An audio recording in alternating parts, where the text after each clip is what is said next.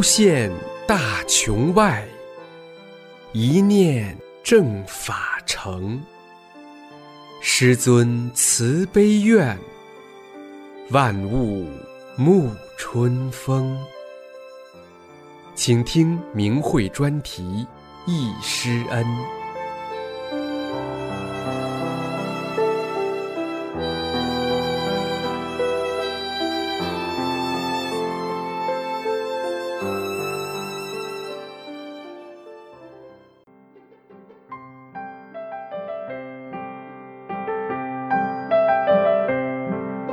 首先，请听大法弟子弘忍的文章。参加师傅在哈尔滨讲法班所见所悟。文章发表于明慧网，二零一九年一月二十五日。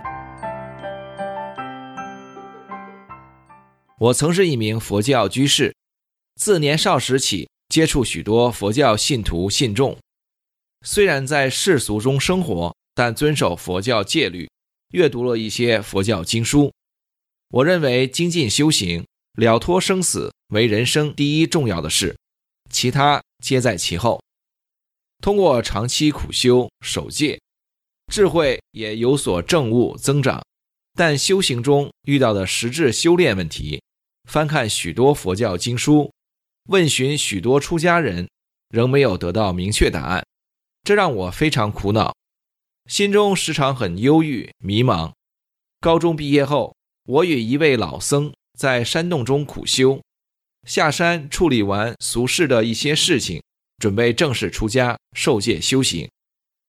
一个偶然机会，参加1994年8月5日师傅在哈尔滨举办的讲法班，听了第一讲课，我有生以来的许多修炼疑问都豁然明了，明白师傅传的是佛家大法，不用出家，在世间修炼即可证悟如来果位。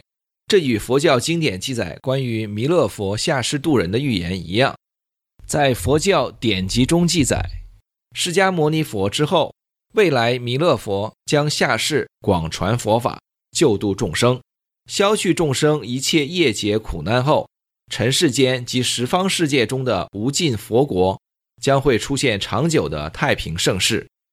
完整听完师父第一天讲法，我就下决心兼修大法。师傅讲的法是修佛真法，是千年万年不遇的高深大法。我当时就在想，师傅是佛下世传法度人呀。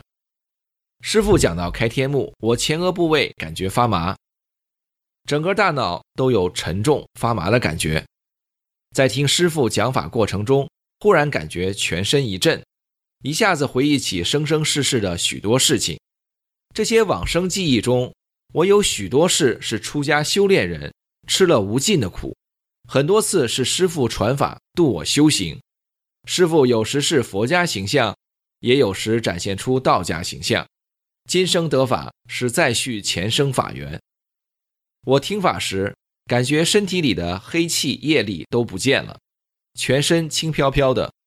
有一天回家的路上，自行车坏了，推车走回家，感觉不是在走。而是在飞一样，一会儿就到家了。当师傅讲到不二法门的法理时，第二天我又彻底全面处理了以前留存的佛教书籍及其他门派的气功书和各种信物，顿时感觉空间场像雨过天晴一样清新宁静。后来有一段时间，总是有其他公派信息干扰打坐入境，我就对那些干扰的邪灵阴灵说。我只专一、坚定不移修炼法轮佛法，其他任何法门我都不要。不久就看见那些干扰的邪灵化成黑灰色烟气消失了。随着听师傅讲法，我对大法理解不断加深。我看见师傅讲法时，另外空间是一尊顶天立地的如来觉者，师傅佛体坐在金色莲花盘中，边讲法同时打着大手印，身着金色袈裟。身体肌肤是淡金色的，头发翠蓝，身体周围有一个巨大金色光圈，放射出万丈光芒，所有的大法学员都融入在金色佛光中。在我目光所及的前后左右上下十方世界中，有无量无数的神佛凝神静心聆听师父讲法。那一刻，只有师父法音在宇宙间回荡，宇宙中的一切都为此停下脚步，整个师父讲法空间场都静止得如同一滩秋水，没有任何涟漪。参加学习班休息间隙，我看到一些工作人员身体及老学员身体周围都有一个不同颜色光圈照在体外。学员修炼出的元婴有七八岁形象的，有的学员修出如同本人十四五岁形象的佛体，人间的肉体在另外空间看像白玉似的纯净。有的学员身体是透明的，这让我大吃一惊。如此短的几年中。修炼大法的学员竟达到这样境界，完全超越普通修炼法门范畴，真是不可思议。这种大法修炼人的状态，极大增加我的修炼信心。接下来的讲法中，我更加认真用心听法。听师傅讲法时，是师傅给学员下法轮；回家后是师傅法身调整学员身体。我听法第二天，师傅在小腹部下的法轮。但参加讲法班前十天，我就看见一团金色光芒笼罩在我的周围。那时师傅就开始给我调整身体了。当我在家中复习功法动作时，师傅的法身会分出两尊或三尊分体调整我身体。有时看见师傅法身变得很小，进入我空间场中就不见了；有时看见师傅法身无比庞大，我就在师傅身体里修炼。但始终有一尊师傅法身在我头顶上方虚空呈打坐或打手印状态存在。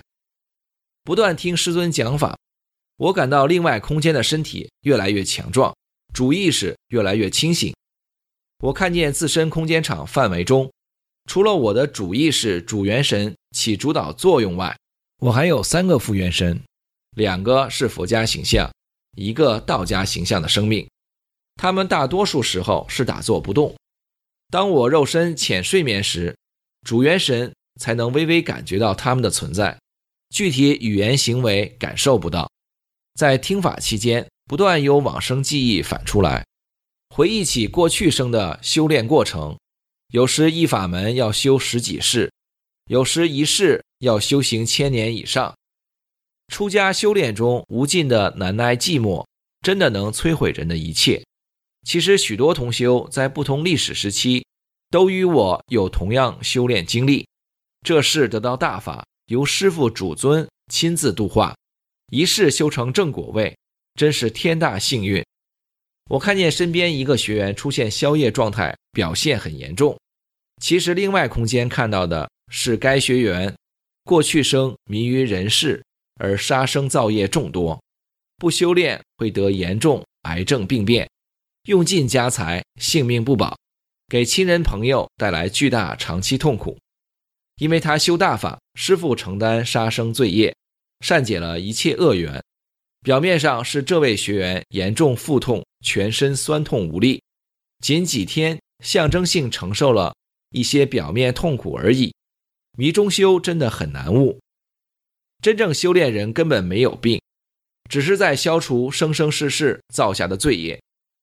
师傅讲到修口的法理，我在过去生修炼中，出家修行是修身口意无为的，在佛前起誓一生中或三十年闭口不说话，避免造口业。一生中无论别人怎样非议污蔑不辩解，无言以对；遇到无理责打，无声而立。即使云游起时，托钵无语，起时后行礼而去。修口对于修炼人非常重要。我发现参加讲法班的学员中，有许多是历史不同时期、不同修佛修道法门的历代掌门弟子，还有许多是与师傅过去生有世缘的生命。能参加讲法班与大法有缘的学员，都是经师傅授记的。一些学员来自极高境界，完全超出普通认知的高深境界。时光飞逝，不知不觉已走过二十四年的大法修炼历程。大法在改变着宇宙中所有生命。二十四年前，曾经的我已不复存在了。在这场旧势力制造的浩劫中，大法重新塑造，造就了全新的我。纯正的、无私为他的正法时期大法弟子。我从来没有后悔我所选择的修炼大法之路，只是觉得应该更加精进，承担起大法弟子的历史责任。回首那些艰苦的岁月，所有的一切都已成为往事，但那不是结束，只是一个新的正法历程开始。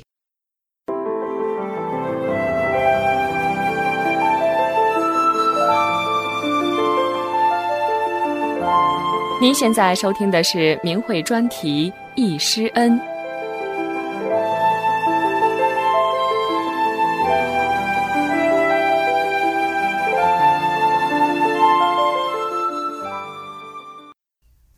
请听《易师恩》专题文章，明慧网二零零七年七月四号发表。参加师父讲法班的回忆。得法前，我是一名居士，跑庙十九年。但总是觉得修来修去没有找到真法。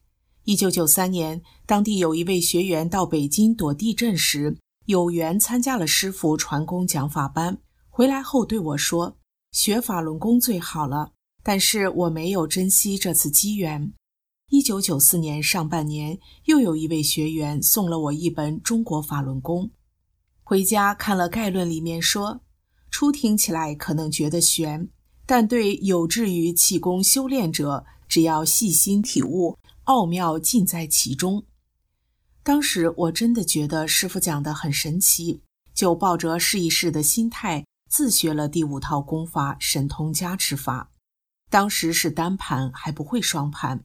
在做加持球状神通时，大概是几分钟，奇迹出现了，亲眼看到身体什么都没有了。只剩下鲜红的心脏在跳动，真是太美妙了。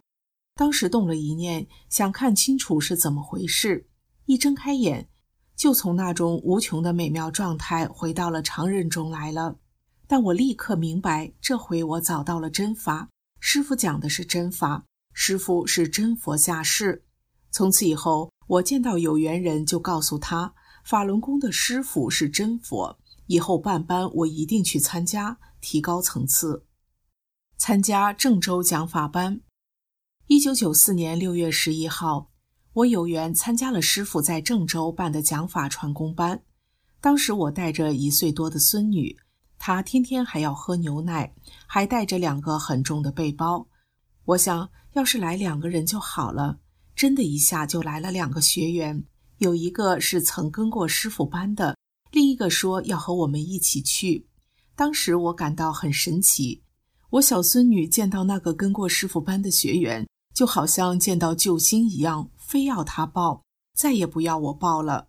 我觉得很奇怪，小孙女可从来没见过这位学员呀。这位学员抱着他走了两里多路，到了郭林路小学，见到法轮章时，他一把抱住，怎么也不愿放下。后来我想。大概是这位学员是师尊给清理过身体的缘故吧。通过这几件事，我更迫不及待地想去见师尊了。六月十号，我乘车到了武昌，就先去龙华寺和以前拜的师傅辞别，说我明天要到郑州去学法轮功，以后可能不来了。他说：“你去吧，善财童子也拜了多少多少师傅。”他尽管这样说，当时我心里还是很难受。从那出来，一直还在掉眼泪。在公共汽车上，一个汉口的学员见了就问：“你哭什么呀？”我说：“我是从佛教出来的，要去郑州学法轮功。”他说：“你读完高中去上大学，你还不高兴吗？”听他这么一说，我的泪马上止住了。参加班前的六月十号晚动身时。倾盆大雨，我想雨停下来了，就证明我有缘。雨还真的停了。快天黑时，我们到了郑州，找到地方住下。虽然很疲劳，但大家都没有睡意。第二天一大早，我们匆匆忙忙赶到了办班的礼堂。礼堂里挤满了人，大家都很兴奋，翘首以待师尊的到来。不知是谁高喊了一声：“师傅来了！”大家一听师傅来了，都起身鼓掌，真是掌声雷动。师傅在礼堂门口停下来，我们抬头看见师傅就像看到了久别重逢的亲人。师傅穿着朴素的衣服，表情慈悲祥和。不一会儿，师傅走向讲台，并示意大家坐下。立刻，整个礼堂鸦雀无声。我找了一个离师傅最近的位子，还不到一米远。当时师傅讲法，那个话筒总是有很大的杂音，我就对师傅说：“您就离话筒远一点讲话就好了。”当时师傅用手示意，并慈悲地说：“你坐下。”师傅并没有动，话筒自然好了。现在想起来，自己真是不知天高地厚啊！师傅首先自我介绍，然后开始讲法。我目不转睛地看着师傅，慈悲的师傅用博大精深的法力，把我从尘世中唤醒，给予我太多太多。有一天，师傅为了给大家调整身体，叫学员跺脚。跺脚前想一下自己有什么病，太大的病就不行。当时我想到了我的近视眼。但又一想，近视眼是大病，就没想了。听师傅讲，如果自己没有病，可以想一下自己亲人有什么病。我就想到了折磨公公多年的肩周炎。师傅告诉我们，我喊一二三，大家一起跺脚。当师傅喊一二，还没喊到三的时候，有很多人就迫不及待地跺脚了。师傅笑着说：“要你们修炼有这么精进就好了。”等我回家后，问公公。您老的肩周炎好了吗？他说，多年的肩周炎顽症，不知道怎么就好了。从九四年到二零零二年，从来没有疼过了。参加班的头三天，慈悲的师傅给我清理了身体，我又吐又拉。我班的学员三天内都有这种感觉，从此人都感到一身轻。大法的玄奥与超常，没有亲身体悟的人是无法想象的。有一天，师傅正在讲法，天突然黑了，伸手不见五指，倾盆暴雨从天而降，冰雹打在礼堂的瓦上，噼啪作响。不知什么时候，冰雹把师傅讲台前面的瓦打破了，雨水往下直流。礼堂四周各种各样的动物怪叫声此起彼伏，听了毛骨悚然。大家默不作声。这时，师傅从座位上起来。坐到讲台的桌子上，盘上腿，打起大莲花手印。过了几分钟，天空亮了，太阳像早晨一样。这时，师傅从桌子上下来，回到座位上说：“郑州这个班素质特别好，但是带来的东西也不少。你们知道吗？我都给大家做了件什么事情？”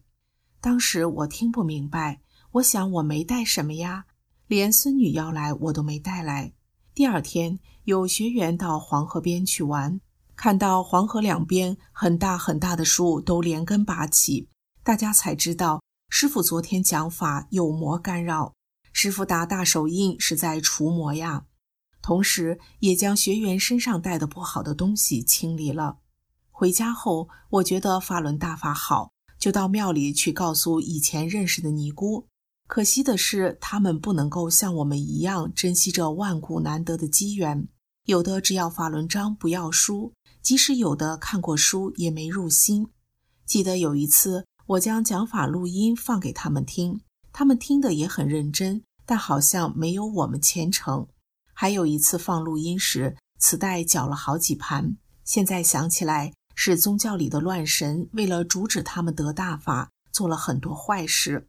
我们有幸得到大法的，一定要珍惜这万古的修炼机缘，珍惜师尊慈悲苦度，不辱使命，助师世间行。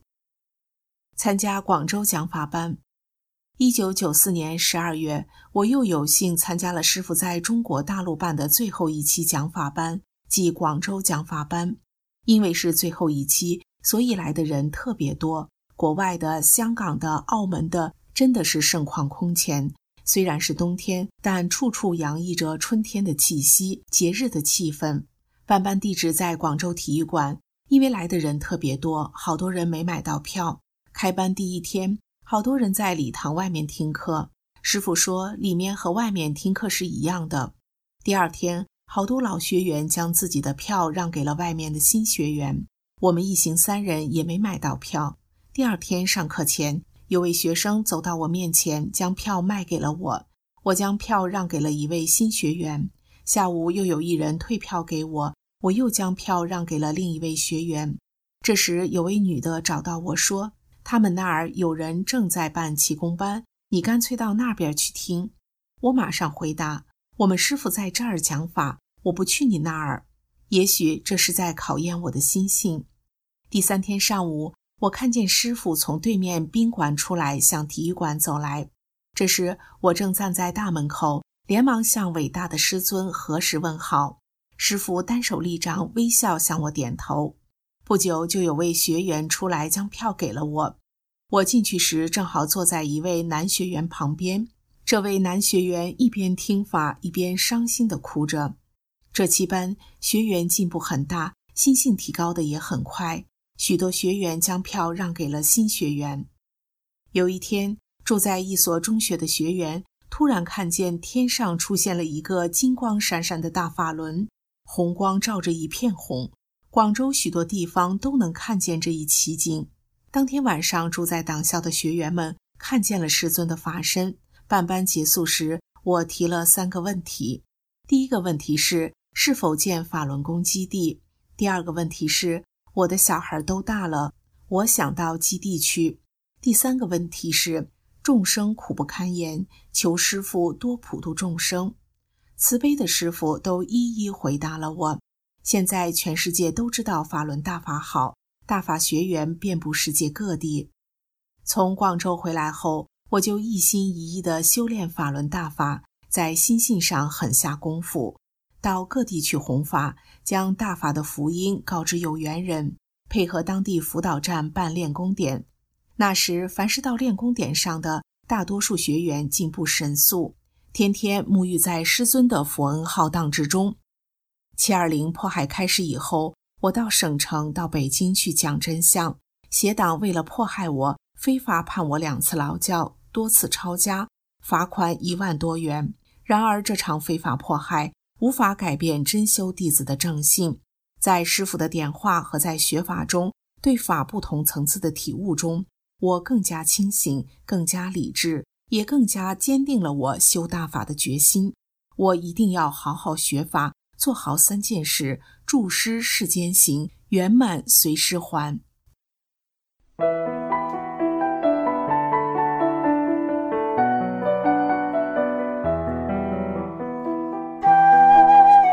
您现在收听的是明慧专题《易师恩》。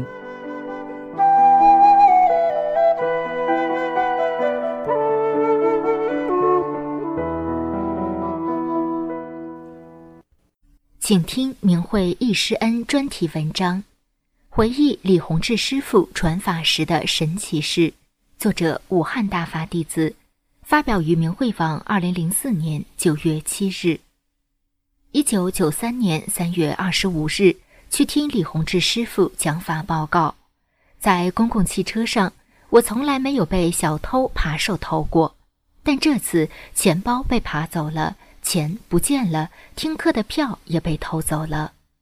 到了现场凭票进场，我们有钱，也没有票，连票的牌号都没有注意，怎么办？急得在进门口转。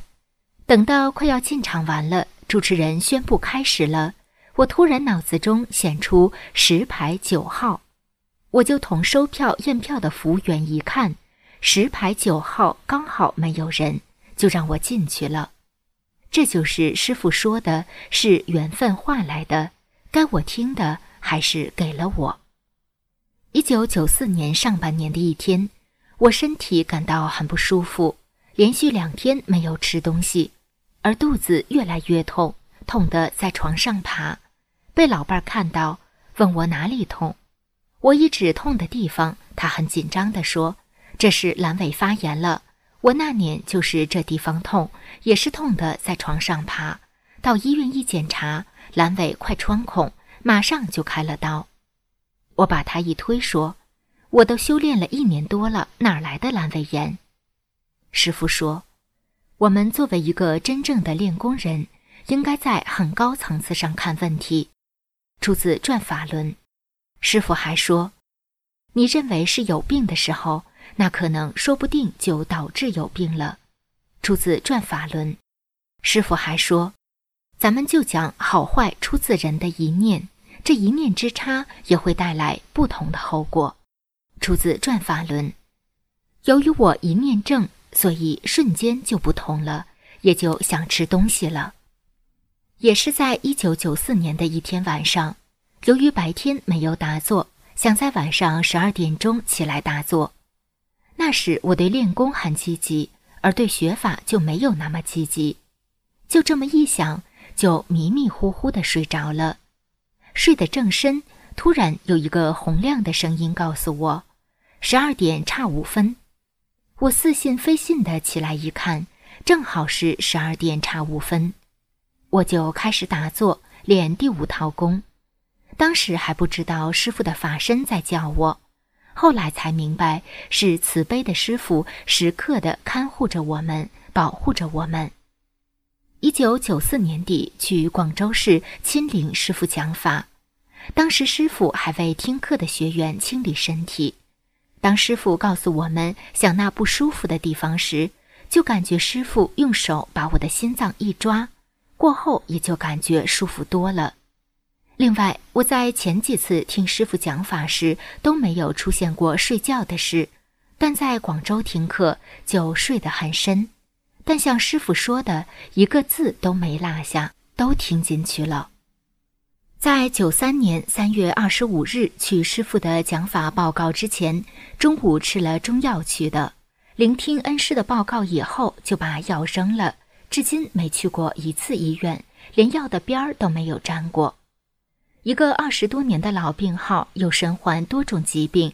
颈椎、腰椎突出、增生、慢性结肠炎、心脏病、眼睛飞蚊症、三少即白血球、红血球、血小板减少、子宫肌瘤、便秘等等，每个月都要报销好几百元的药费。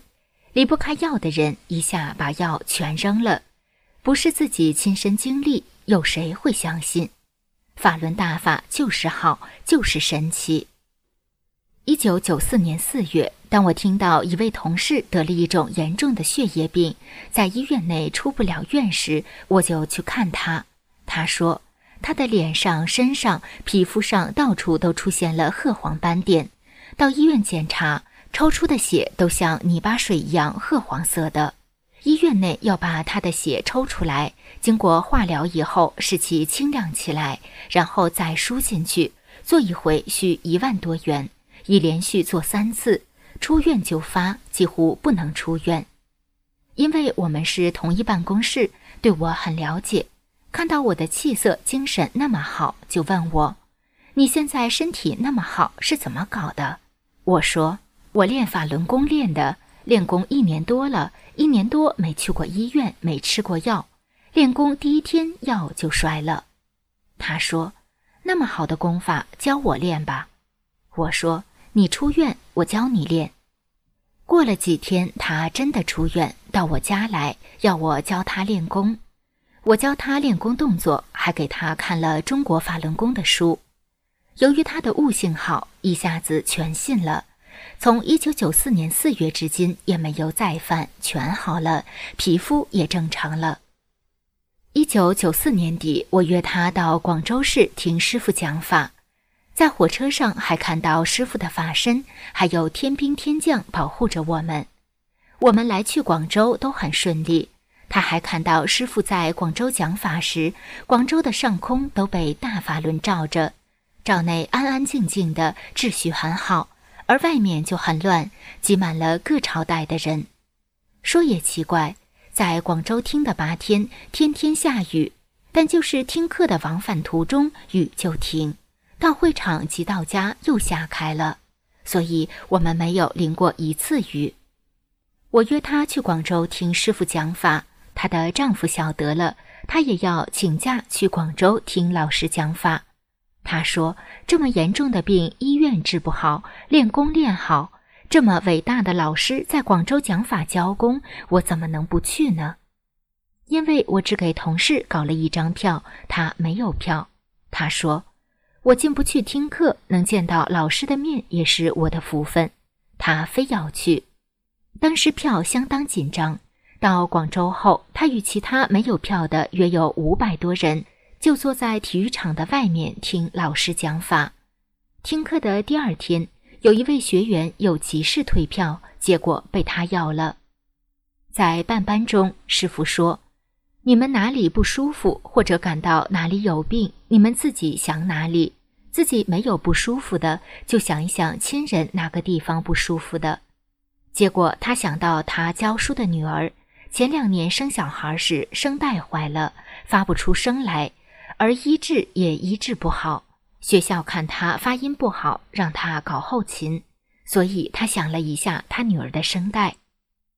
当他听完师傅在广州的讲法，回到家，他女儿就告诉他：“爸爸，你们走后第三天，我声音就好了，讲话恢复了。”他就把师傅怎么清理的情况说了，路隔千里，就这么一想，跟着做了一下就好，真是奇事神事。在广州，同我们一起听师傅讲课的有一位年轻大学生，同我们住一个旅社，戴一副度数很深的眼镜。当他听到师傅说：“你看哪个佛道坐那儿叼个烟卷，哪有那样的？”出自《转法轮》。这位年轻学员就联想到，哪有那个佛道戴副眼镜的？而在他回旅社路上，就听到他所戴的眼镜片咔咔的响声。当时没在意，回旅社取下眼镜时一看，眼镜片全碎了。他就悟到不应该戴眼镜了，把眼镜割下，慢慢眼睛也就越看越亮了。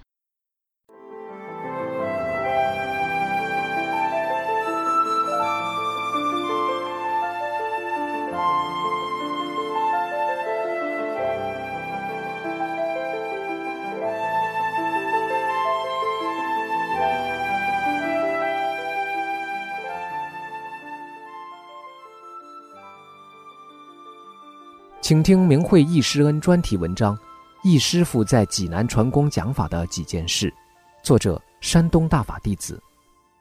师傅第一次在济南办班是一九九四年一月，地点在省青年干部管理学院礼堂。有一对从河北来参加班的夫妻，都是六十岁左右。妻子去办公室购票，丈夫蹲在礼堂门口右侧，脸色蜡黄。有人问他：“你怎么了？”他说他得了肝癌，学习班进行到三四天时，又见到这位学员时，好像他变了一个人一样，精神头十足，让人很是震惊。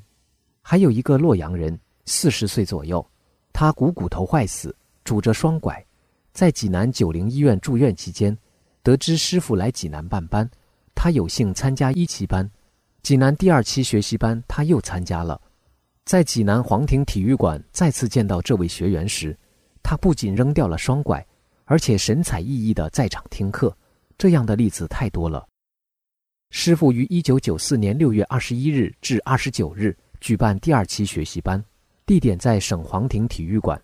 开班前，师傅视察场地时，围绕着场地，对体育馆的工作人员说：“当年这里是一个戏楼，乾隆到济南时曾在这里看过戏。”而且师傅用手指着西边说：“乾隆当年就坐在这个位置上看戏。”工作人员听后十分惊讶，听老人说过这个地方早年确实有个戏楼，多少年前这个戏楼就不存在了。李大师怎么知道这个地方是戏楼呢？又怎么知道乾隆所坐的位置呢？他们觉得不可思议。省皇庭体育馆在泉城路上，这条商业街全长大约一千五百七十米左右。皇庭体育馆在泉城路东头的路北，皇庭体育馆往西大约两百到三百米是一个十字路口，往南是顺景街。这条街大约三百米，从体育馆往东到青龙北街也是个十字路口，往北是青龙北街。师傅对现场的工作人员说：“门前这条街是龙身，往西往南是龙头，东边往北是龙尾，这个尾巴没甩好。”龙头龙身子这个地方永远是商业旺地，至今二十四年了。龙头龙身子这段路几经拆迁，仍然一直兴旺，而且是全城路最繁华的地段。青龙桥往北一直比较萧条。如今济南的学员走在这里，当看到此景，十分感慨师傅的伟大与神奇。还有一件事，在济南二期班上，省体育学院的一个教授，有许多名头的气功师，在当地小有名气。他带着几个徒弟也参加学习班，坐在二楼。当师傅讲到假气功师时，冲了他的气管，当时就摆出一副砸场子的举动，在下边发功和师傅斗法。不知师傅怎么知道的，师傅在讲法时就说：“有人还来跟我斗法。”你就收起你那一套吧。当天他就虚脱了。据他亲人讲的，二十多年过去了，每当回忆起那些难忘的一幕幕，总激励着我们：坚信师傅，坚信大法，坚定信心，兑现誓约，圆满随师还。